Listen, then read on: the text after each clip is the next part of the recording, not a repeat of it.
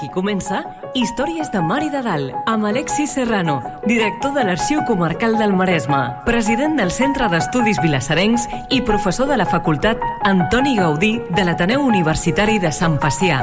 Un programa sobre el nostre passat, les històries, les tradicions, els personatges i el patrimoni de Vilassar de Mar. Una producció del Centre d'Estudis Vilassarencs en col·laboració amb Vilassar Ràdio i sota la coordinació de Núria Gómez. L'almadrava és un ormeig de pesca consistent en impedir la lliure circulació dels bancs de tonyines i obligar-los a seguir la xarxa per quedar finalment tancats en una mena de gàbia de xarxa submergida on un cop allà les tonyines no en poden pas sortir. Arribat a aquest punt, els pescadors els cacen literalment amb arpons. A Vilassar, al segle XIX, s'hi establí una almadrava que donà feina a un notable contingent de pescadors, algun d'ells vinguts del País Valencià. A Vilassar, de l'Almadrava, només en queda el record cristal·litzat el nom d'una de les platges del litoral. Avui, a Històries de Mar i de Dalt, parlem de la pesca de l'Almadrava, dels madravers i de la comercialització de la tonyina.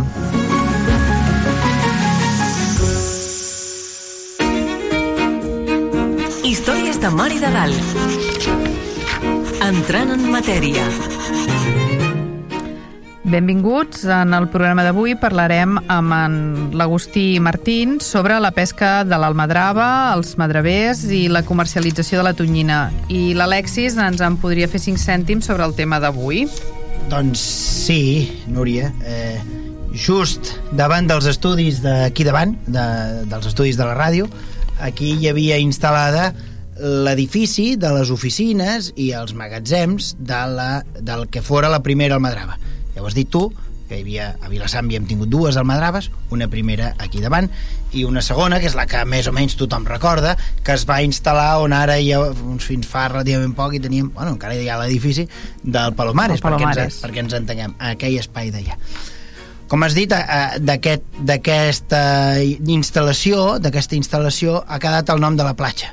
De fet, hi ha molts indrets de la nostra geografia, de la nostra, de la nostra mm, del nostre litoral, que ja es diu la platja de l'Almadrava, les roques mm. de l'Almadrava, Almadrava per aquí, Almadrava per allà, perquè de fet d'instal·lacions d'Almadraves n'hi ha hagut diverses.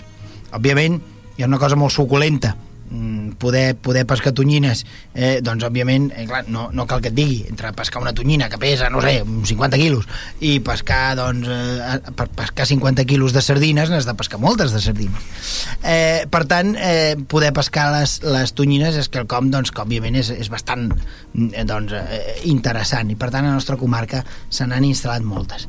La paraula almadrava és una paraula que ve, ve de l'àrab aquest, aquest, mm, aquest article al, no? Eh, és un indicatiu, doncs ja que és la paraula té, té un origen àrab.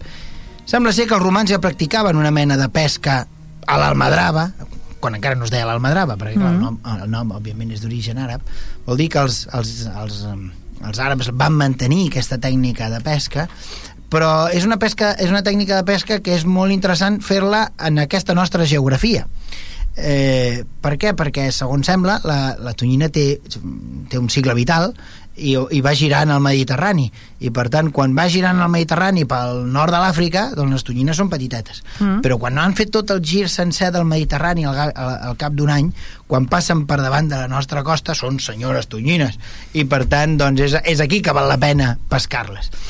El tema de la nostra almadrava, tant de la primera com de la segona, aquesta que es va instal·lar doncs, a la confluència, diguem-ho així, més o menys amb la, amb la Riera de Cabrils, com amb l'altra, la que estaria més o menys amb la confluència de la Riera d'en Cintet, per simplificar molt, doncs aquesta nostra instal·lació d'almadrava va tenir una gran contestació, va tenir una, una gran oposició per part dels pescadors de Premià i del Masnou, perquè clar, que aquesta instal·lació doncs, no només impedia la lliure circulació dels bancs de, de tonyina, sinó que també doncs, impedia la lliure circulació doncs, d'altres tipus de peixos. I per tant els pescadors doncs, de, de, de, de la zona sud respecte a la nostra almadrava doncs es queixaven. I és plena la premsa del segle XIX de queixes dels pescadors eh, de Premià, de Masnou, eh, de, de, de Tiana o de Tallà, el que ara seria Montgat, perquè ens entenem, Montgat s'independitza el 1933. Eh, I per tant, doncs, la, ple, la premsa va, va plena. Com sigui, la nostra, la nostra almadrava va ser un punt, un punt important, eh, va ser un punt d'atracció, mm, van venir certs pescadors que se'ls van a buscar a València i per tant moltes famílies que tenen cognoms valencians tenen un origen doncs, en aquest art de pesca i, i per tant doncs, és, una, és un, element, un, un element important a tenir en compte de la nostra, de la nostra història certament singular, perquè no n'hi ha gaires d'almadraves. N'hi havia d'altres doncs, a la zona del sud del país, n'hi havia altres doncs, a la zona de la Costa Brava, però no és que sigui una cosa molt, molt usual. Aquí n'hi havia una, mm, algun dia algú ens hauria d'explicar per què s'instal·la aquí l'Almadrava i no a Premià, per exemple. Doncs hauríem de, eh, aquí es pot especular molt però bé, respostes no en tenim gaires. Com sigui, eh, avui hem, hem hem convidat a una, a una de les primeres llances en, en la matèria, no en aquesta matèria concretament, en l'Almadrava només, sinó en, en el tema de la pesca, el tema de, de, de la marineria, el tema de la, de la navegació eh, mediterrània i atlàntica, eh, continental, estem parlant d'una persona que coneix tothom. Avui, quan diguis allò de coneguem el nostre convidat, serà per, per aquella gent que té el costum d'escoltar el nostre podcast de fora de Vilassar, però pels vilassencs no els hi cal la presentació de l'Agustí Martín, perquè realment és una persona molt coneguda, sobretot molt coneguda per als oients d'aquesta casa, perquè l'Agustí té eh, de fa temps ja un programa que es diu Randamar i que per tant doncs, doncs és, és conegudíssim però de totes maneres hem de complir amb la litúrgia i hauríem de conèixer el nostre convidat. Històries de Mar i de Dalt. Coneguem el convidat. L'Agustí Martín és vilasarenc, eh, capità de la Marina Mercant i doctor en Marina Civil. Fill, net i besnet de capitans de vaixell, és degà de la Facultat de Nàutica de Barcelona i professor de navegació, president de Bric Barca, Centre d'Estudis Nàutics de Vilassar de Mar, president de la Fundació Casa Pairal, membre del Consell de Direcció de la Mina Vella Aigües de Vilassar i director de formació de la Fundació Filip Costó. Actualment és ambaixador de l'Organització Marítima Internacional, codirector de la revista Singladures, entre d'altres, i dirigeix, com ha dit abans l'Alexis, el programa RAN de Vilassar Ràdio des de fa 3 anys.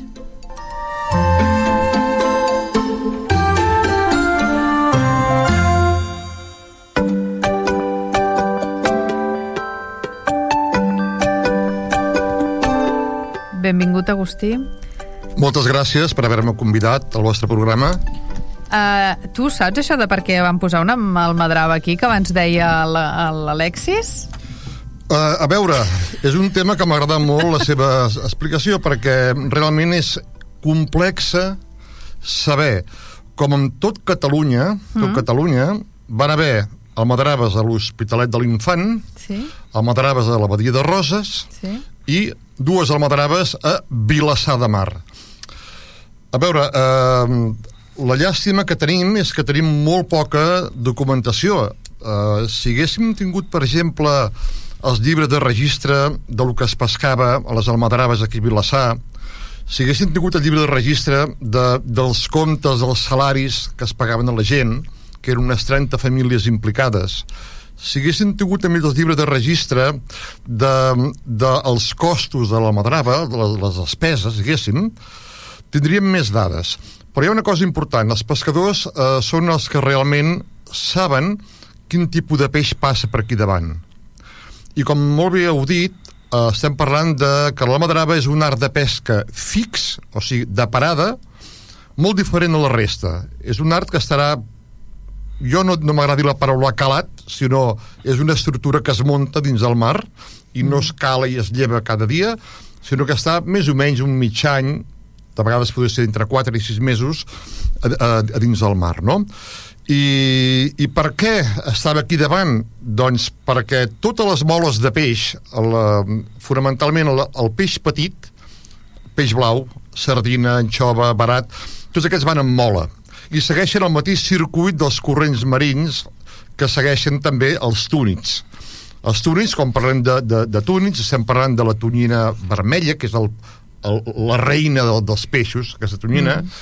però estem parlant també de les bacoretes, els bonítols, de les melves, que són peixos no tan grossos però molt preuats. Aquests peixos eh, passen gran part de la vida a l'Atlàntic Nord, amb aigues fredes, i segueixen la corrent anticiclònica de l'Atlàntic i per la força de Coriolis entren a l'estret de Gibraltar i canvia el corrent. Aquí es, es, es converteix en una corrent anticiclònica, o sigui, sentit contrari de les agulles del rellotge. Alto, quan entren per l'estret de Gibraltar, la tonyina és forta, i, i, va, i van a buscar les aigues transparentes del Mediterrà diem ara entre cometes, veritat per, per la fresa, per desovar. I quan desoven continua el seu llarg viatge per tota la Mediterrània dant tota la volta i cada vegada són més magres. O sigui que dura, la, la, la, el que s'anomena la, la, la tonyina de retorn és ja una mica més magra que la que entra. Hi ha la d'entrada i la de retorn. Uh -huh però hi ha una cosa molt curiosa, que hi ha una part d'aquestes tonyines que són tan fortes que en vez de seguir la costa africana passen entre la costa del Mediterrani occidental, la costa dels països valencians, Múrcia i Catalunya, sí? i Balears. I quan entren, arriben també fins aquí dalt, fins pràcticament al Golf de Lleó. I a Vilassar confluïen les que retornaven amb unes quantes que entraven, que són menys. Val. I això es van donar compte els pescadors. Val. I aleshores fa falta alguna persona de negocis per dir, ep, aquí és el Anem punt. Muntar... Sí, perquè la tonyina no és precisament un... Vull dir que és un peix que el que va pescar tonyina i s'hi guanya la vida, vull dir, quan es pot pescar. Exacte. La tonyina vermella, que seria mm. la més important, sí. és una tonyina que, bueno, el, el preu és uh, un, un quilo de tonyina vermella potser val avui en dia entre 48 i 50 euros. Mm. Hi ha una tonyina toro, que és la més grossa, la que busquen els japonesos, que aquí sí. no en tenim però la vermella és el, el, el sum de les tonyines, eh? Mm -hmm. sí, clar, sí, sí. Cal dir una cosa, que és que clar, aquestes, aquestes instal·lacions, ja ho hem dit, tenen un origen, probablement els romans ja feien servir una cosa similar. Mm. Eh, en època medieval això ho mantindran eh, la cultura islàmica, d'aquí ens ve el nom. Però és veritat que tenim gravats, per exemple, tenim, tenim dibuixos de com funcionaven les almadraves al segle XVII, al segle XVIII, vol dir que això s'ha mantingut al llarg del temps en determinats indrets, no a molts indrets, perquè a més a més calien permisos, no es podia fer tot arreu, en alguns llocs alguns permisos els havia de donar la cort directament, no? I, algunes, i alguns arts, per exemple, la xàvega, se li coneixia com la xàvega reial, perquè el permís l'havia de donar, només el podia donar el rei i el donava amb, un cert, amb, uns certs, amb unes certes condicionants, no? Mm. Però en el cas concret de l'almadrava hem dit que hi ha imatges antigues de, de, de, com, de, de com a partir de que eren, quedaven aquestes tonyines mm, mm, atrapades per aquestes xarxes en un indret que s'anomena el COP, no? que uh -huh. la mhm. cambra de la mort, també se li deia, eh, quan es queden allà, llavors els, van els pescadors a, literalment a caçar, d'alguna manera van amb arpons i les treuen de l'aigua. Realment allò no seria pescar, eh? Seria, no. Té més a veure amb pesca, no? com fa, el que fan els, els inuits a, a, a la, a, al, al Pol Nord, per exemple, sí. que no pas doncs, amb la pesca ni a la fluixa ni, ni com la coneixem nosaltres. Però la realitat és que en el nostre cas, les nostres dues almadraves van tenir lloc en una època, a l'època contemporània. I com deia l'Agustí, el que cal és el que cal és mm, un empresari. És a dir, tirar endavant un negoci com aquest és, eh, és quelcom eh, d'allò que anomenaríem industrial. En el nostre cas, això passa en època, a finals del segle XIX i a principis del segle XX, i aquí el que veiem és que hi ha un negoci, hi ha, hi ha un, una sèrie de gent que hi posa diners, monta, monta un, un, un, un sistema per extreure aquests peixos del mar i òbviament té uns treballadors assalariats que eren, que eren els pescadors o madravers a mi m'agrada fer servir la paraula madrever perquè era la paraula que, que sempre deia en Damià que havíem de fer servir. Sí, i jo eh, sóc un gran defensor de les paraules d'en Damià de Bas. És així, eh, eh, continuant amb això podem dir que hi ha els fenicis que van fundar la ciutat de Cádiz que era Gadir. A la seva una de les monedes principals d'ells, que també es deia Gadir, surten les tonyines però del segle XIII al segle XVIII, les grans almadraves estaven totes a Andalusia, les més importants, i era una concessió que tenien els ducs de Medina Sidònia. Val. Les altres importants eren les murcianes i les dels, de, del País Valencià, especialment les de la Marina Alta i, i Marina Baixa, de tot el que se coneixem de la Vila, eh, de Calp, la Moraire, unes, unes grans almadraves, i d'allà van sortir els mestres madravers que van venir al segle XIX i a principi del XX aquí. O sigui que les nostres almadraves són de les més Són- modernes, I són quasi valencianes, podríem dir. i aquí ve una mica, és important dir-ho, la teoria que tinc jo, que, però que no és una teoria meva i prou, no, no, no, no, però com que no tinc documents on poder-ho llegir, de moment, doncs algun dia ho veurem, és que van haver tres tipus de, de, d'almadraves, o d'almadraves, a mi la paraula almadrava m'agrada molt. La, una que és la de tir, que aquesta es feia servir més a la part de, de Cádiz, aquí no crec que fossin així. Llavors hi ha la de, de Monte de Leva, són noms en castellà perquè no s'han traduït al català, i la de Buche, tal com... Eh, la de Buche, i és com es deia aquí, la de Buche. I la de Monte de Leva era la que van fer servir especialment a, a Benidorm, a, a, a la Vila, i per tant, com que els mestres madravers van venir aquí a Vilassar, entenc que el tipus del madrava que van muntar aquí, que van organitzar, eren les, les alacantines, no? les de, de, de, de la Marina Alta i Marina Baixa, que eren molt productives. I l'altra cosa important, parlant del segle, final del segle XIX i principi del segle XX, mm. tenim aquí una cosa molt bona que no tenien els andalusos ni tenien els, els del País Valencià, que era el tren, que ara Sí. fem 175 anys. Amb el tren vol dir que la, davant mateix de l'Almadrava sí. pararia segurament la, el tren per Clar. carregar la tonyina sencera. Val. I d'aquí anaven directament al mercat del peix.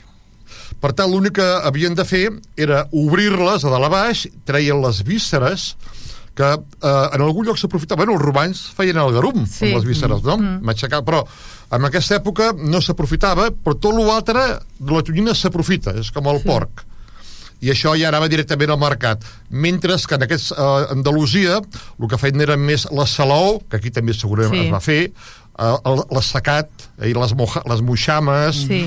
i el fumat, que no és una cosa tan nostra, que és més potser de, de països del nord. Sí, és cert. Abans parlaves de que si tingués, haguéssim tingut o tinguéssim els llibres de, per saber moltes coses, què passa amb aquesta documentació? No existeix? Es va perdre? No sabem on està guardada?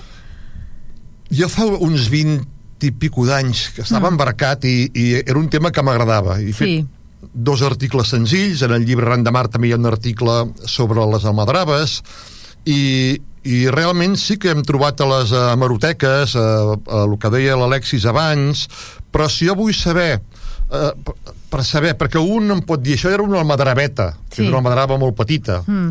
i un diu, no, això era una almadrava de veritat, Sí. com sona. Pues, no tenim elements per poder dir si era una, una almadrava petiteta o una almadrava Perquè no grossa. tenim la, la facturació, per dir-ho d'alguna manera, no? Exacte. que tenien. I aleshores, les almadraves, que sí, sí que m'agradaria dir-ho perquè és un art molt diferent a la resta d'arts de pesca. Sí, És un art fix, de parada, és un art també que es treballa més com si fos una petita indústria. Res a veure amb els pescadors de la pesca artesanal. Sí. O sigui, hi ha una gent que està sempre a mar, hi ha una instal·lació que durant 5 mesos està dins del mar, Mm. hi ha un edifici que a mi m'agrada dir, l'Alexis ja ho sap, eh, edifici de serveis de l'Almadrava, perquè no era un magatzem, era magatzem, el tenyidor i l'oficina val. que eren com estaven així organitzats. I després una gran esplanada a la platja, val. molt grossa, perquè la concessió, ara que estan de moda les concessions amb la llei de coses, era pràcticament igual. Mm. O sigui, la concessió era una activitat concreta amb la que tu estaries en el mar, ocuparies un, una, una zona del mar senyalitzada, amb, amb, amb, amb boies, amb balises uh Mhm. -huh. i faroles si fes falta amb, amb, amb, amb llum d'oli en aquella època Sí.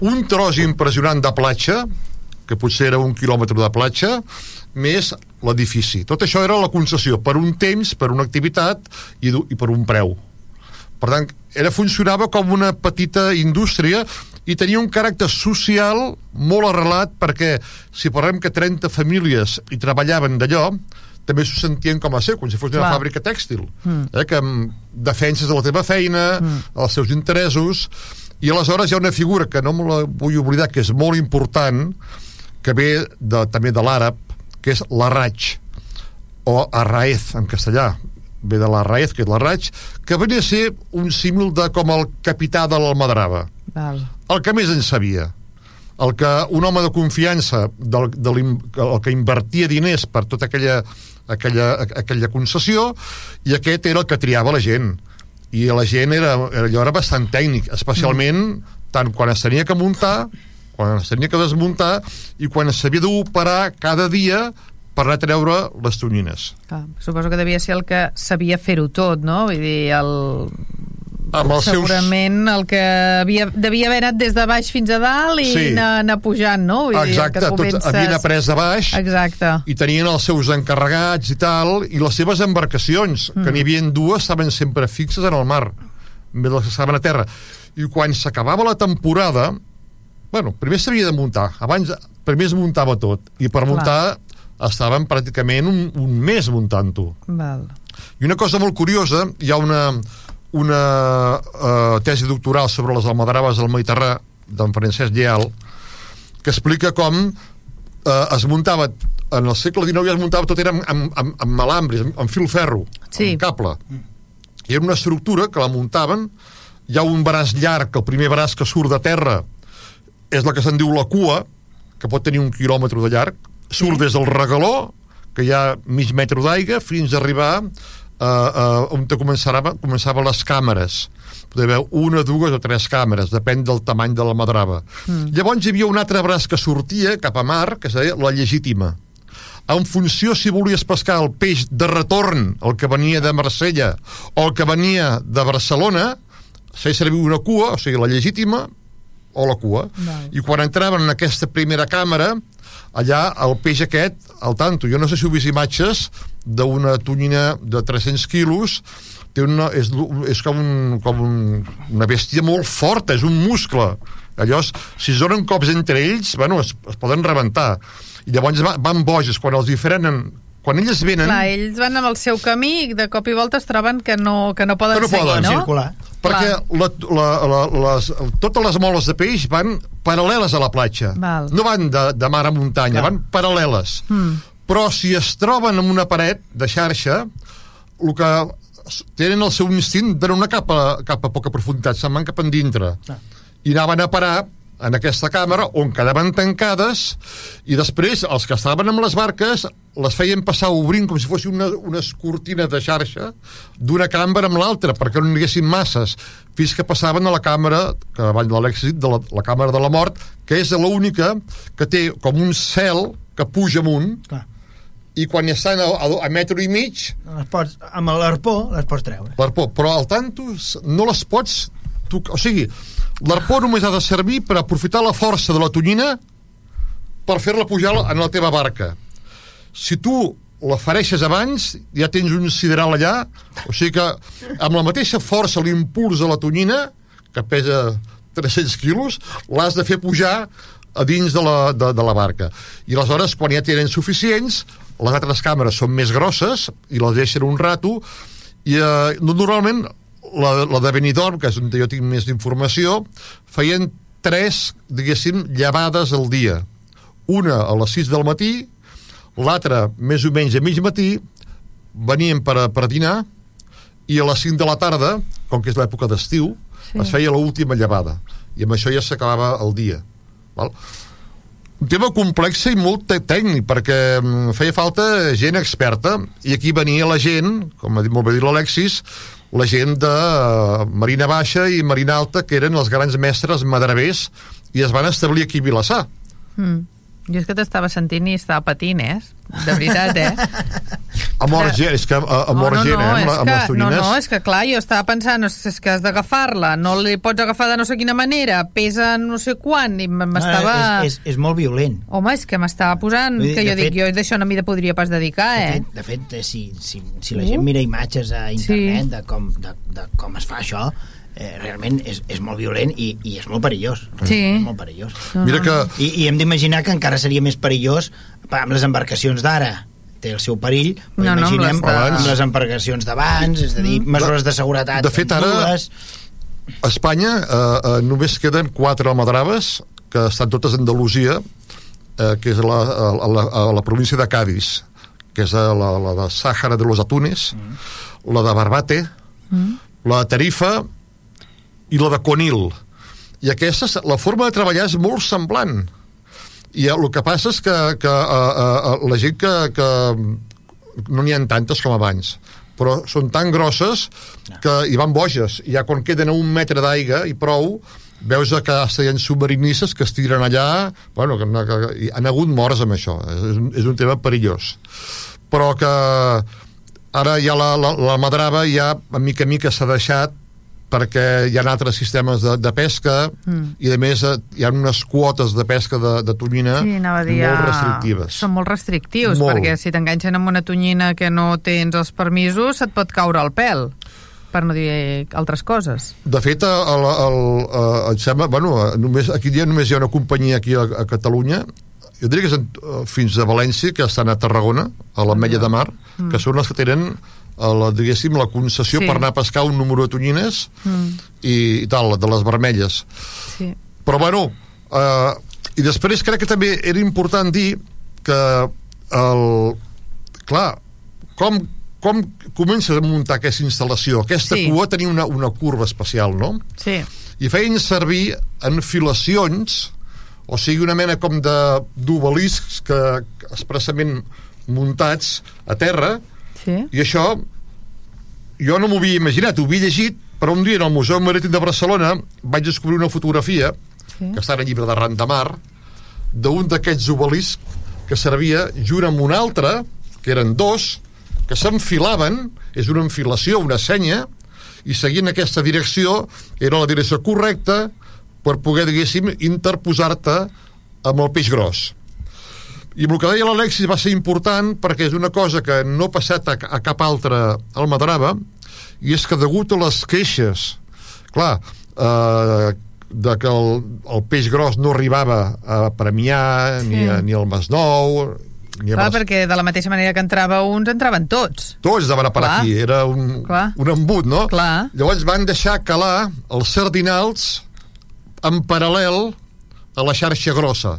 El sardinal és per pescar tota la mola de peix petit, que és la que es persegueix, no?, la, la, el borit, bueno, la, en aquest cas la, la tonyina. Mm. I aquí eh, aquest peix, eh, bueno, eh, però van haver molts problemes i, i això sí que de queixes en van haver moltíssimes i després també mica en mica bueno, jo crec que, que eh, es van acabar, però no solament aquí, eh, també la de Roses, també les de, de, de d'aquí de, de, del Delta perquè mm. Suposo que simplement sí. les concessions no es van anar no, renovant. Exacte. El, el negoci hauria ser, certament, lucratiu, és a dir, per poder mantenir unes 30 famílies mm. a l'entorn d'aquesta indústria s'havia sí. de, de pescar, i sobretot s'havia de pescar prou durant la temporada com per més o menys mantenir... mantenir ah, si només treballaves 4 mesos i en vius 12, jo no? m'imagino que els pescadors a altres èpoques de l'any doncs varien altres menesters. Hi havia, Suposo. De fet, sempre ho hem sabut, els nostres pescadors també treballaven l'horta,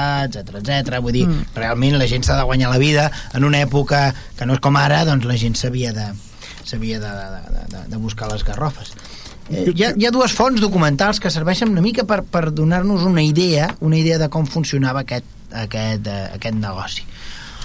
Un de la, una de les persones que va mantenir la, la, la, la concessió de l'Almadrava mm. eh, seria de la primera Almadrava, aquesta que en dèiem de Can Catà, la que teníem sí. instal·lada perquè ens entenguem aquí davant. Davant de la ràdio. La, la, i, I aquesta de Can... De Can Canà. De Can, Can Canà, Can això. Canà. Eh, I mm, aquest era eh, Jacint Suari, que va escriure un llibre, no recordo com es diu, un llibret, de fet, que diu Les almadraves, providències per a la pesca de atunes sí. o, o una cosa així i després hi ha una altra, una altra font documental que eh, vaig poder doncs, reproduir eh, que ho tenia eh, en, en, en Prim, en Joan Prim, en Joan Prim, que el seu avi havia sigut secretari de l'Almadrava, l'Almadrava hi havia un secretari, vull dir que hi havia un senyor amb coix i punys eh, que es cuidava de l'administració mm. de l'Almadrava, eh, ni més ni menys, vol dir que era com, com deia l'Agustí, una petita empresa on hi havia un secretari no, que es cuidava de l'administració mm. I, i llavors el, en Joan Prim de bona memòria d'aquí de tots els, els presents conservava un exemplar del Montepío de les Mercedes, em sembla que es de les Mercedes. de 1883 o una cosa així, que era la constitució d'un sistema mutual, no? d'una mútua eh, que van constituir els, els madrevers entre ells per, per donar-se eh, suport mutu, allò que allò tan propi del segle XIX que fan, per exemple, la gent a la indústria, a la fàbrica, sobretot, es fan moltes d'aquestes mutualitats, no? Mm. Què passa quan eh, t'has ferit i no pots treballar, no? Perquè la gent treballava el jornal, el dia que el treballava, cada final de setmana et pagaven eh, eh, els dies que havies mm. treballat, no? Sí. I per tant, això passava a les fàbriques, això passava a tot arreu. Si no treballaves, no cobraves. I per, però podia haver algun motiu pel qual doncs, tu no poguessis treballar, perquè doncs, eh, no, sé, Sí. eh, no existia el concepte de baixa, estar de baixa i que et pagui eh, Mm. la, la seguretat social, ni molt No. menys l'empresa, i per tant doncs, hi havia aquesta caixa mútua on tots Mm. els, els, els madrevers hi posaven uns dinerets eh, mensualment i quan algú prenia mal, algú no podia treballar o, mm, o, i, i, i veiem doncs, que hi ha tota una sèrie de costums per exemple recordo que eh, els pescadors tenien dret a anar X dies l'any doncs, a prendre les aigües termals o tenien dret doncs, d'anar a estar conductuats a un metge doncs, que els assistís no? Mhm. insisteixo, coses importants en una època que no hi havia un sistema sanitari col·lectiu, públic com és el nostre i per tant aquestes coses tenen interès però eh, especialment interessants quan pensem que això són coses pròpies del món del món industrial, del món de la fàbrica eh, a la pagesia em, trigarem a veure coses similars no? naixeran Sí. els sindicats però inicialment hi ha sindicats de treballadors bracers o parcers que treballen per compte aliena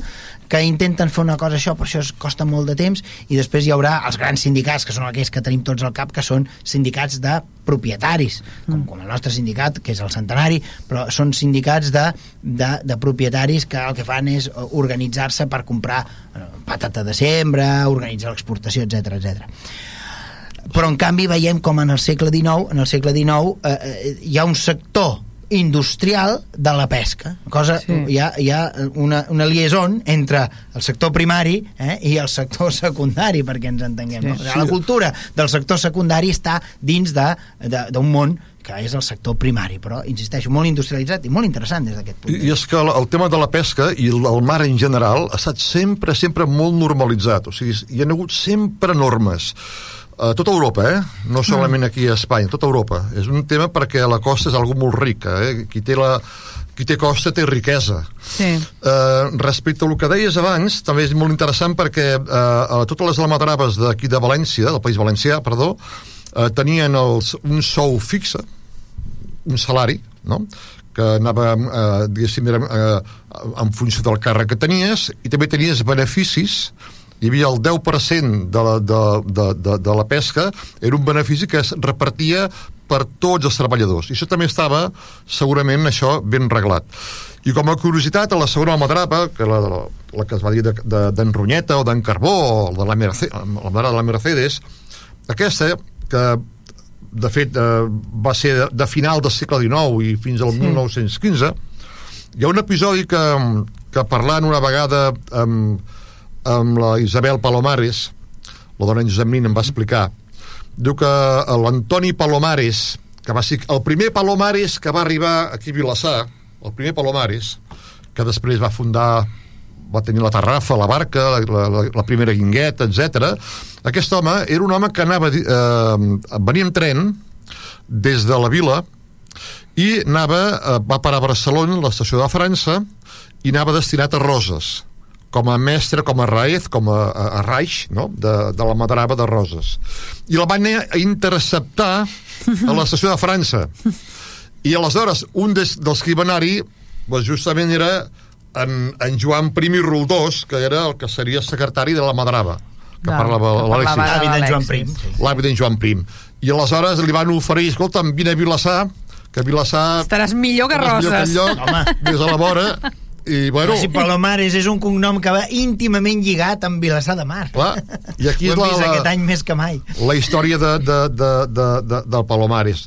I després l'edifici de, de, de serveis de d'aquesta segona, segona madrava que fins a l'any 59 va estar visible eh, 59 o 60 60. 60 seria Va desaparèixer amb el temporal amb del el temporal del 60 va desaparèixer i aleshores hi ha, hi ha Aquell edifici que tothom, la gent d'una certa edat, recorda perquè tenia les lletres del Cinzano. Cinzano. Ah. Allà i es veia... Hi ha, hi ha moltes fotografies i, de fet, era un edifici d'alguna manera icònic. icònic mm. perquè quan ja va deixar de ser l'edifici de l'Almadrava, Sí.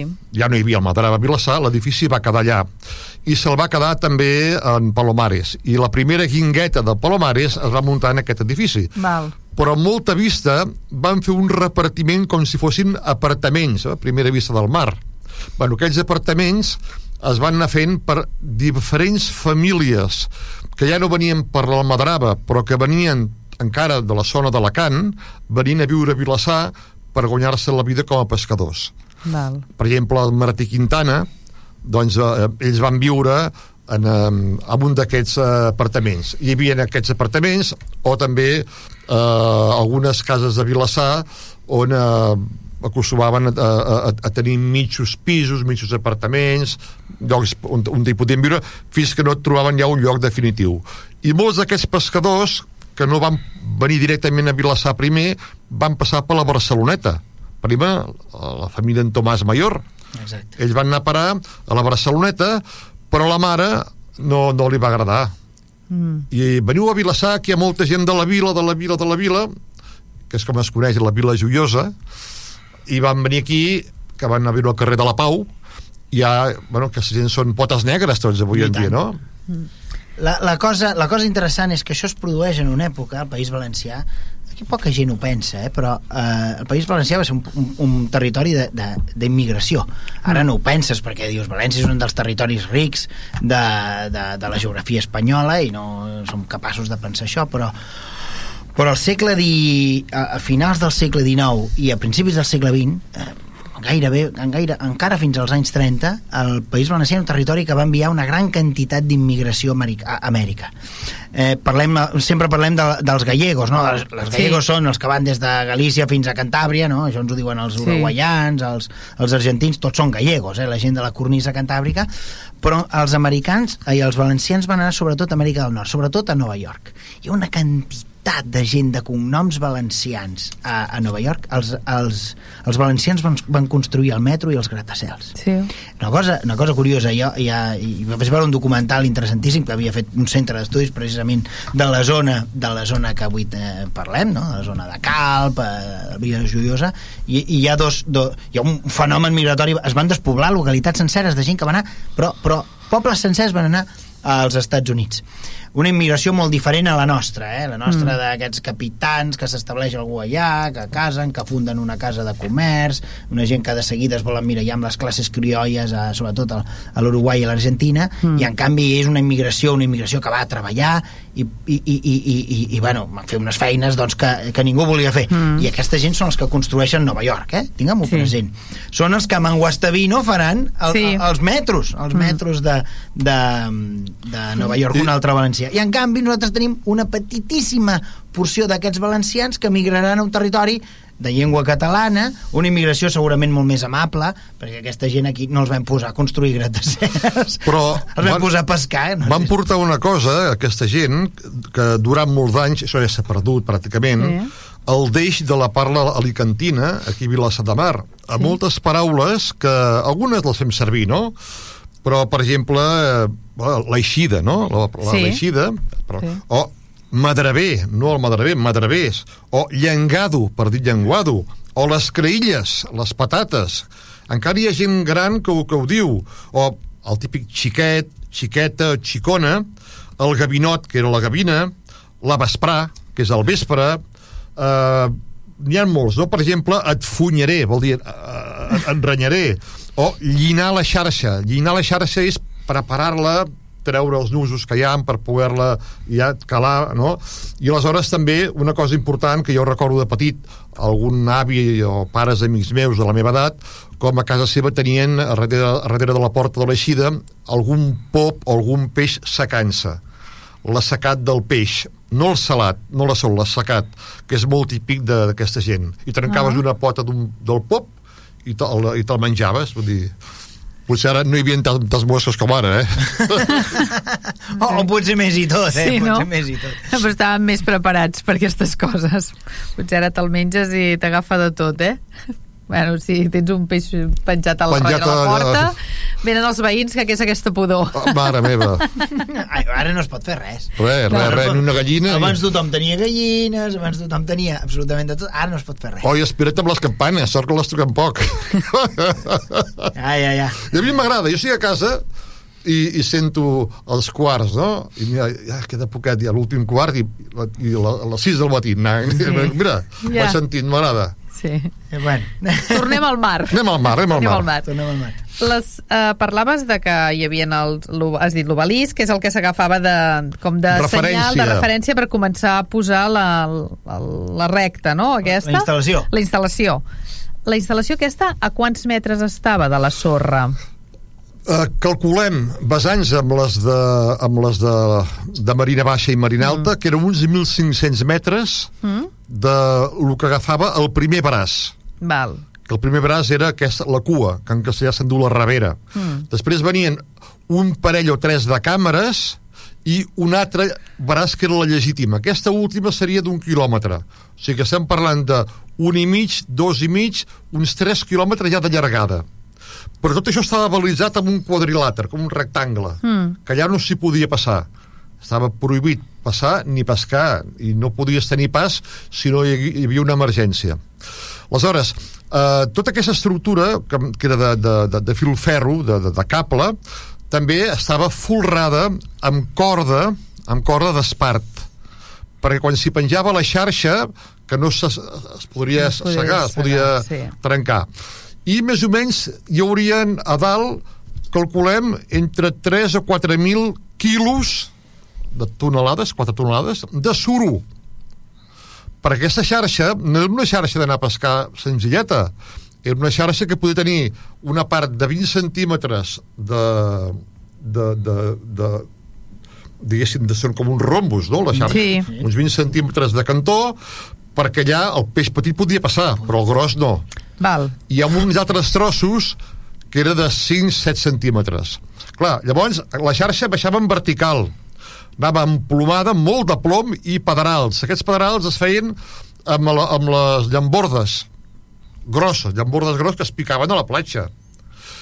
Però quan hi havia temporals forts de llevant o de garbí, tot això perquè no s'anés a Norri tenia uns vents gegants, uns vents amb àncores Ja. que la famosa àncora que ara Exacte. tenim al Museu de la Marina és una d'aquestes àncores, aquesta és bastant grossa, perquè s'aprofitaven àncores que es compraven del desballestament de vaix- vaixells de vela Val. a Barcelona i de vegades, però després de feien servir 15, 20, 30 àncores. A les almadraves aquestes. A les andaluses hi van 150 àncores, eh? Elles són molt grosses. I era un conjunt de, de molt de material que després també, amb, a cap de dos mesos, amb un temporal es podien trencar, s'havien de canviar. Mm. Clar, vull dir que en els magatzems sí que hi hauria gent contínuament, i en els tenyidors, treballant i tenyint. Mm -hmm. I tota la corda forta anava amb quitrà. Era una feina bastant bruta. Clar, hi havia molta gent que no eren pescadors que treballaven amb això.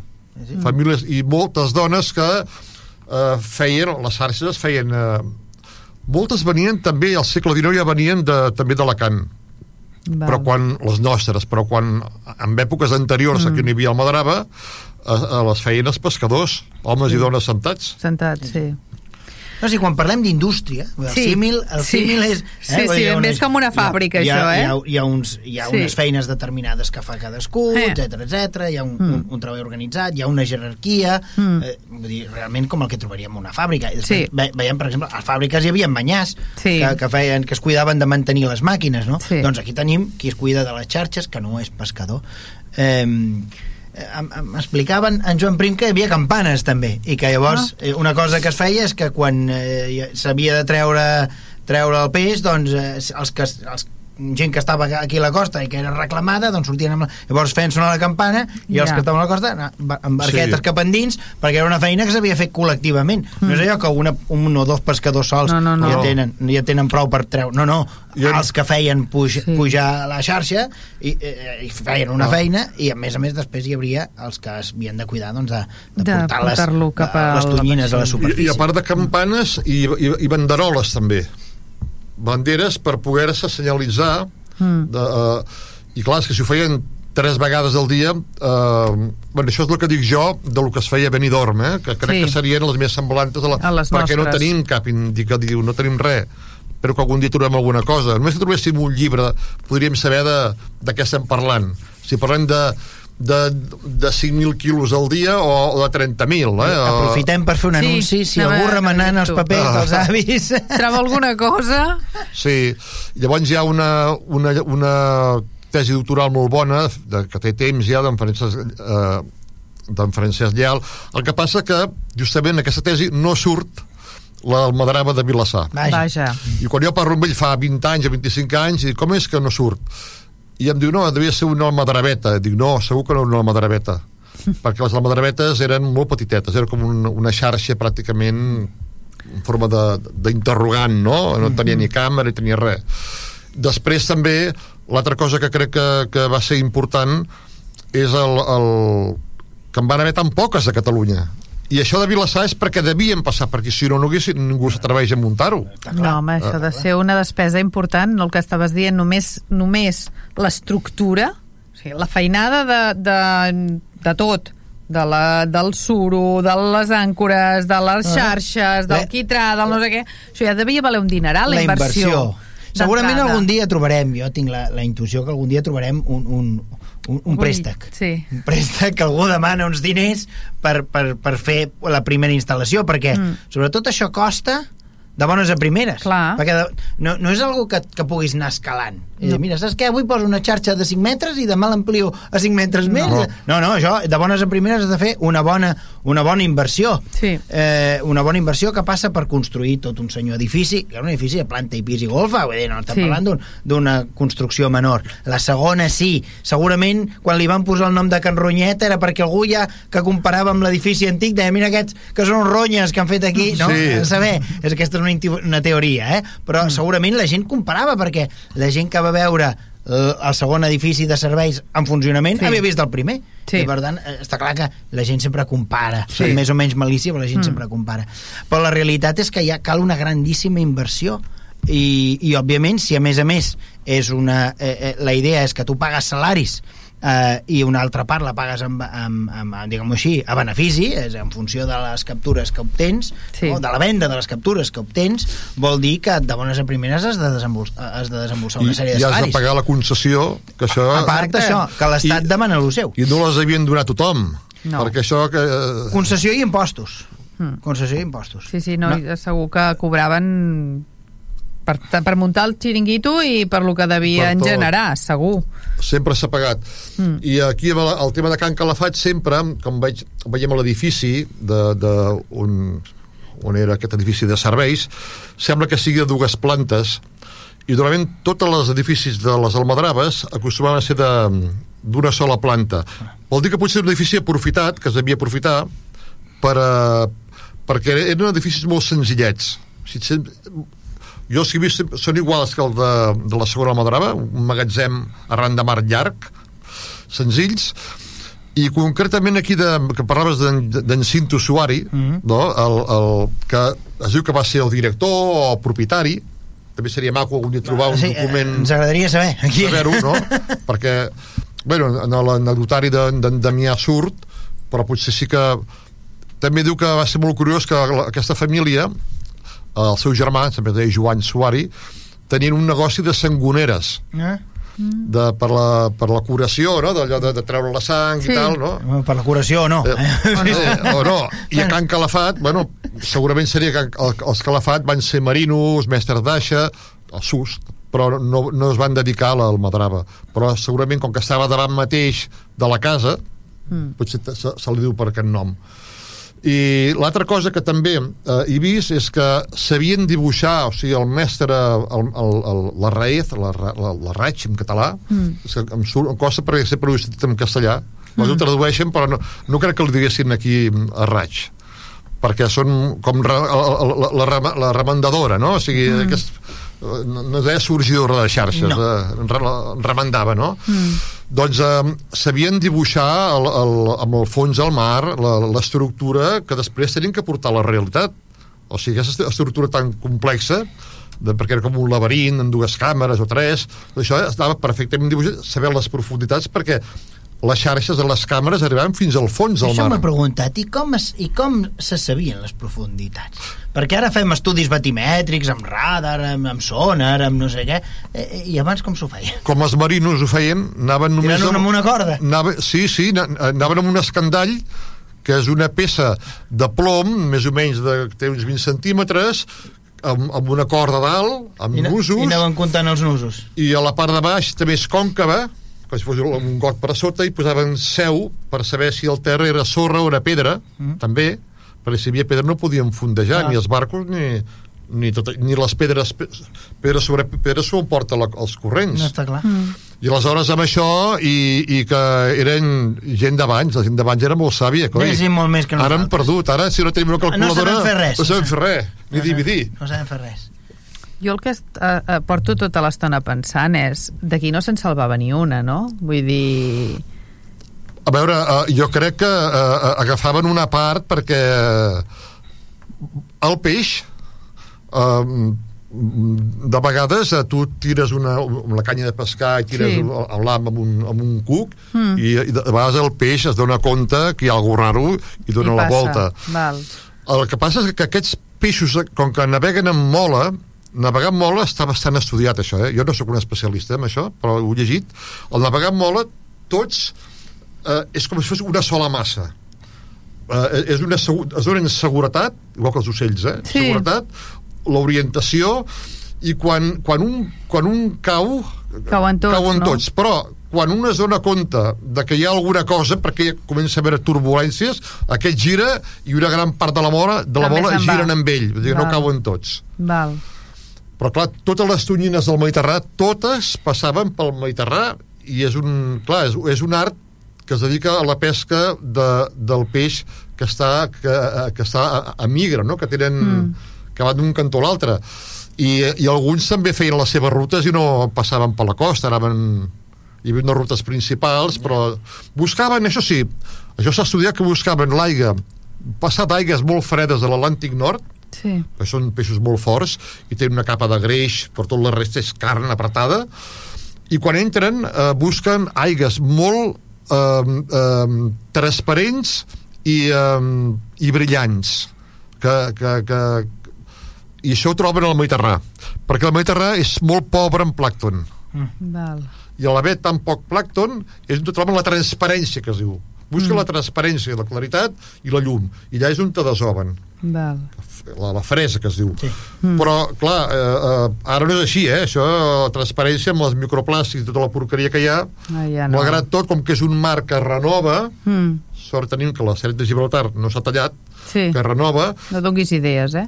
no, no, no, no Aquí havia- algú, algú se li acudirà i la liarem, eh? va haver una època que es volia fer una... Ara tindríem un, mar, Una- un mar mort. Sí. sí, sí Ens acabaria, acabaríem tenint un mar mort. es moriria tot Mm. S'acabaria el nostre clima i la nostra gastronomia mediterrània és tot, tot s'acabaria bueno, ja, ja anem per aquest camí perquè això, escolteu Mm. fa por, eh? entre, entre les guerres i, i, i uh, tot el que està passant avui en dia va, mira, Bueno. Um, el que sí que has deixat clar és que les, les xarxes hi havia algunes que el, el rombo, el forat era més gran perquè almenys els peixos no tan Més menuts. més menuts, sí, sí. es, el peix blau, per exemple, que es queixaven els, els de Els de Premià, que no els hi arribaven, si no els hi arribava era perquè no el veien, perquè de deixar-lo passar el deixaven passar, Bueno, no? alguns sectors que la xarxa era Sí. més tupida, doncs clar, bueno. quedaven atrapats. Està clar que els que quedaven atrapats, eh, t- tam- jo m'imagino que els madrevers, t- tot, jo crec que les queixes eren fundades, perquè no, no és una queixa que hem trobat a la premsa, sinó són, són reiterades i reiterades i reiterades. Jo crec Sempre hi ha el que es queixa alguna sempre, cosa eh? hi deuria haver, alguna cosa hi deuria i haver. més quan hi havia confraries a cada dos Sí. per tres, que tots els pobles Mm. i la gent ja vivia del mar Sí, i en aquest, a final del segle XIX i a principi del segle XX encara hi viu molta gent del mar Però vosaltres imagineu el que hauria ser, Sí. jo sempre parlo el mateix, eh? Eh, eh, quan, quan la, en plena revolució industrial, clar, que a Barcelona arribi diàriament peix, sí, però acabat de pescar, Sí. perquè el tren aporta això, Sí. aporta una velocitat terrible.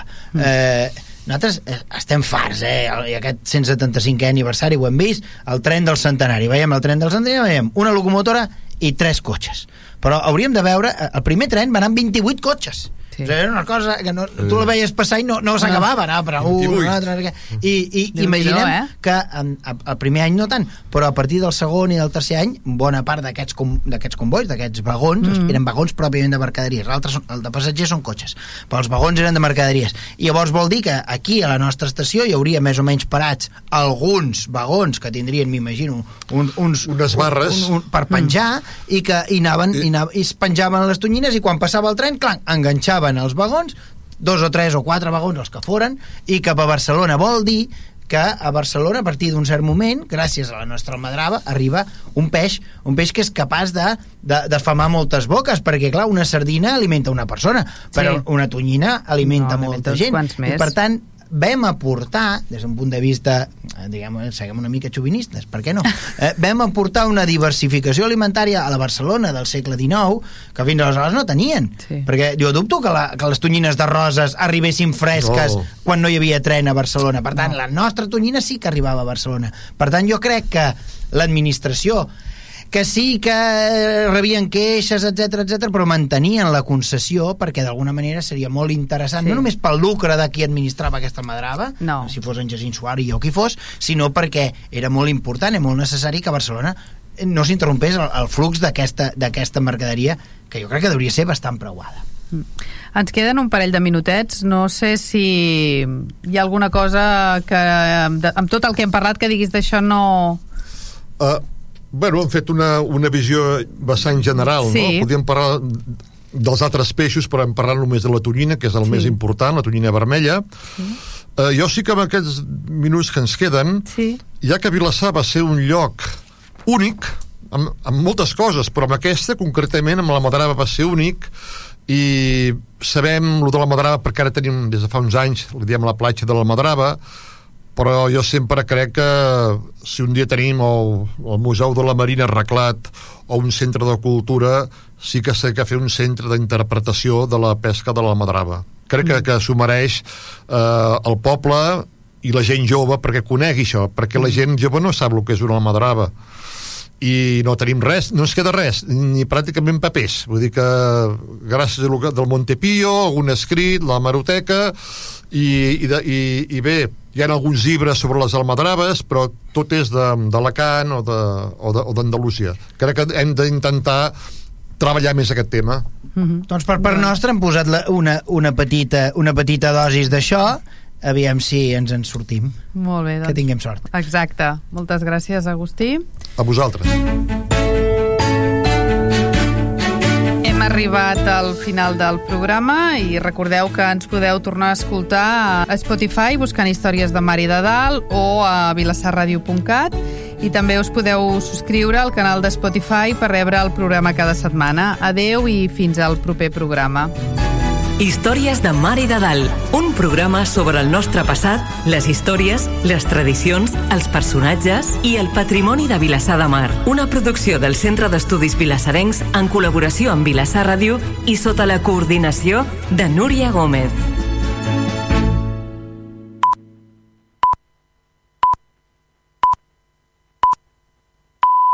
Vilassar Ràdio són el matí. Passaport, càmera de fotos, ulleres de sol... Pots deixar-te qualsevol cosa, però els teus drets